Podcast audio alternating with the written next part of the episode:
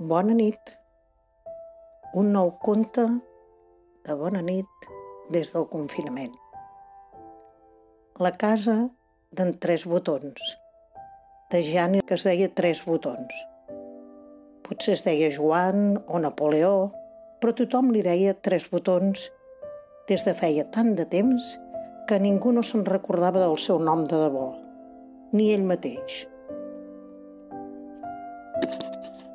Vivia en un poble tan pobre que la gent no tenia diners per fer-se mobles nous. En tot un any, més o menys, i encarregaven una taula i quatre cadires. El darrer any només li havien encarregat un tamboret. No voleu un armari? preguntava.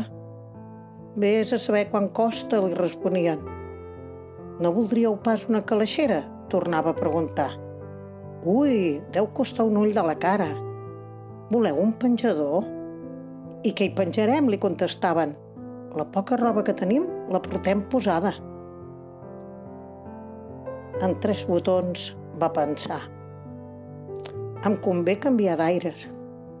Però si vaig a un altre poble, hauré de comprar-me una casa. O bé, no hauré de llogar alguna em convindria fabricar una caseta de fusta i posar-li rodes. La portaré darrere meu per tot arreu.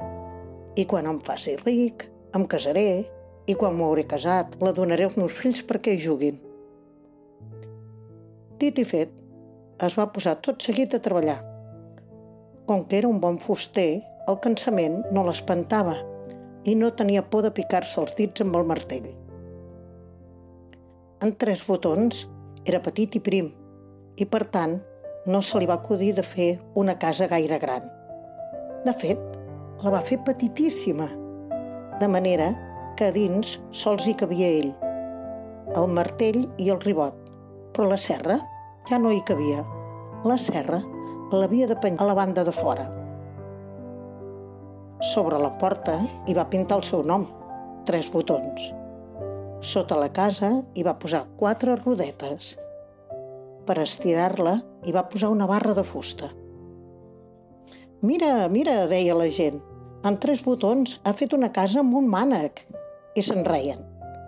Però en tres botons feia veure que no sentia res. Quan va marxar estirant la seva caseta de rodes, la gent deia «Mira, mira, en tres botons s'ha fet una rulot. I la benzina, on la poses? Que no té dipòsit, que te la veus?» En tres botons es va treure el barret per saludar i se'n va anar. La casa era lleugera. A les baixades, en tres botons, entrava dins com si fos un carro i endavant. Camina que caminaràs va fer-se de nit i Tres Botons es va aturar en un prat. Dormiré aquí, va dir-se, que avui ja he fet prou camí. Una hora després, el va despertar la pluja que picava damunt la teulada. Havia esclatat una tempesta i els llamps queien per tot arreu. Quina manera de tronar, es va dir en tres botons. Però no eren sols els trons. Algú picava les parets de la caseta. Picava i picava i una veu que implorava «Obre'm, per favor! Obre'm tres botons!» «Qui hi ha?» «Em mullo tot, deixa'm entrar!» «Prova, si pots», va dir tres botons, obrint la porteta. Jo la casa me l'he fet a mida, però si tu també hi caps, jo n'estaré ben content. On hi ha lloc per un, hi ha lloc per dos, va sentir-se. I va entrar un ballet que es va escórrer la barba i, va, i es va estirar. Saps qui sóc? va preguntar el ballet. Qui ets? va dir en tres botons. Sóc el teu oncle Caramella. M'he quedat sol. No tinc ningú que em porti un plat calent a la taula. I he pensat en tu. Imagina't quin disgust que he tingut quan els del poble m'han dit que havies marxat. Per sort, uns bailets havien vist el camí que havies agafat i me l'han indicat. T'has fet una casa nova, oi? Aleshores és que les coses et van bé. Més o menys, va dir en tres botons. Me n'alegro, va dir l'oncle Caramella. Però ara, disculpa'm, que tinc necessitat de dormir. Ja parlarem demà al matí. Bona nit, va dir tres botons. Però no podia dormir-se. i tot gratant-se la closca pensava que ben segur el pobre vell no havia sopat, ben igual que ell. I mentrestant a fora tronava i tronava. Però no, no era sols un tro, era algú que picava la porta i una veu demanava «Obriu, si us plau, obriu! Qui hi ha?» Una pobra dona amb els seus tres fills. La tempesta ens ha agafat pel camí i no tenim aixopluc. Entreu, si podeu, va dir en tres botons, obrint la porta. Jo la casa me la vaig fer a mida, però si vos també hi cabeu, me n'alegraré. On n'hi caben dos, també n'hi caben tres. I els nens, ja se sap, caben a tot arreu, va dir la dona. Va entrar ella i els seus nens i s'estiraren tots per dormir. Us ho agraeixo tant, va dir la dona. S'està bé aquí dins. Perdoneu, però on aneu amb aquest temporal? va preguntar en tres botons. Anàvem a l'aventura, va dir la dona posant-se a plorar. M'he quedat vídua no fa gaire i amb aquests tres fillets no podia pagar el lloguer del pis i l'amo m'ha fet fora. No sé pas què serà de nosaltres demà. No penseu en això, mireu de dormir, li diguen tres botons. Però en tres botons no podia dormir. Pensava en la pobra vídua i els seus fillets i rumiava que ben segur que cap d'ells no havia sopat, igual que ell i l'oncle Caramella.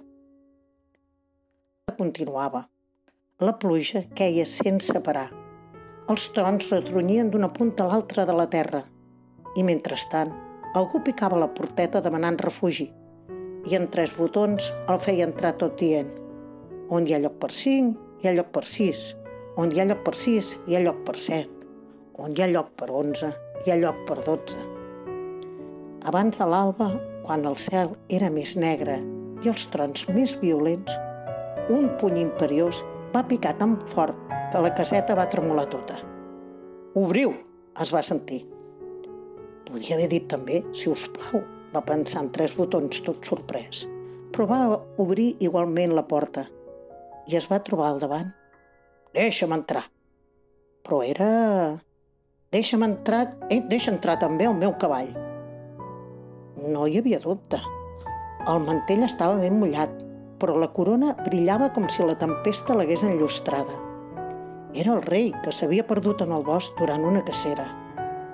On hi ha lloc per dotze, hi ha lloc per tretze, va murmurar en tres botons inclinant-se, i tot seguit va dir on hi ha lloc per un rei, hi ha lloc també pel seu cavall. El rei va entrar i amb la llum d'una llàntia va mirar al voltant. Vista des de fora, va dir, la teva casa semblava més petita. Veritablement, va respondre en tres botons. Jo me l'havia feta a la meva mida. Doncs quina fusta has fet servir? De castanyer, majestat, va respondre. El castanyer no és elàstic com la goma. Aquí hi ha alguna cosa que no comprenc, va dir el rei. Doncs més val així, va dir tres botons. Altrament, com l'hagués entrada tota aquesta gent? La seva majestat, el rei Bernardí IV, va reflexionar una bona estona i finalment digué Per força, això no és qüestió de fustes, sinó de cor. Com ho sabeu? preguntant tres botons. El cor és petit com un puny, però si es vol es pot ficar a dins tota la gent del món i encara queda lloc. Es veu que aquesta casa l'heu fet amb el cor. En tres botons es va quedar callat. Aleshores el rei va preguntar qui era tota aquella gent que dormia dins la caseta i en tres botons li va anar explicant.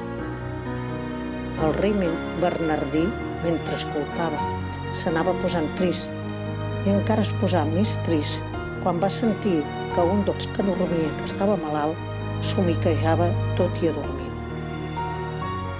Es va treure la corona com si de cop i volta li hagués, se li hagués tornat massa pesant i el rei pensava que sempre s'havia cregut ser un bon rei i en canvi hi havia a prop seu un munt de gent dissortada i ell no els havia ajudat gent. Mentre que en tres botons els havia ofert tot el que tenia, la seva casa. I tot rumiant això, no sabia què fer. si, si retirar-se de rei o continuar. I pensant tot això, se li va acudir que encara podia fer alguna cosa per ajudar aquella gent. Va dir en tres botons que anés al seu palau, que allà mai no li faltaria feina de fuster i que pel que fa als altres, que el qui necessités a ser curat el curaria, que el qui necessités treball li'n donaria. Però a canvi va demanar en tres botons que li donés la seva casa amb rodes per poder anar per tot el país ajudant a la gent necessitada. I mentre estava parlant de tot això amb en tres botons, va sentir una forta botzina que sonava molt enfadada. I és que durant la nit, el vent havia empès la caseta just al mig de la carretera i el cotxe de línia no podia passar. «Eh, vosaltres!» cridava el conductor. «A veure si en retireu aquesta casa!» La gent mirava per la finestra i reia veient la casa d'en Tres Botons. Tres Botons va sortir de la caseta i primer de tot va notar que ja no plovia.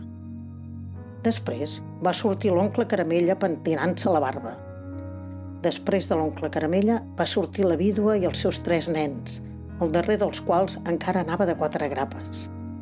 La gent reia tot dient «Això no és una casa, sinó el barret d'un prestidigitador». A veure si encara sortireu d'aquí. I vinga sortir gent, vinga sortir gent. Els passatgers estaven meravellats de que sortís tanta gent i no s'haguessin quedat tots premsats com les sardines d'una llauna.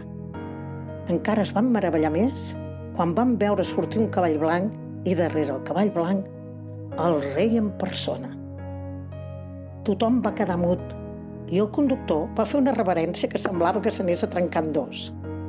Aleshores el rei va manar que lliguessin la caseta darrere el cotxe. Va fer pujar tothom a dins i ell mateix, muntat dalt del seu cavall, anava al davant indicant la direcció. I si els llibres d'història diuen la veritat, aquesta va ser la primera vegada i la darrera que el cotxe de línia va anar fins a la capital escortat pel rei. En tres botons es va casar amb la vídua i per fer jugar els seus tres nens van construir una caseta de fusta amb rodes semblant a la primera. També eren molt petita, però hi cabien a dins tots els nens de la ciutat i si al darrer moment un gat volia entrar, també hi havia lloc per ell. Bona nit.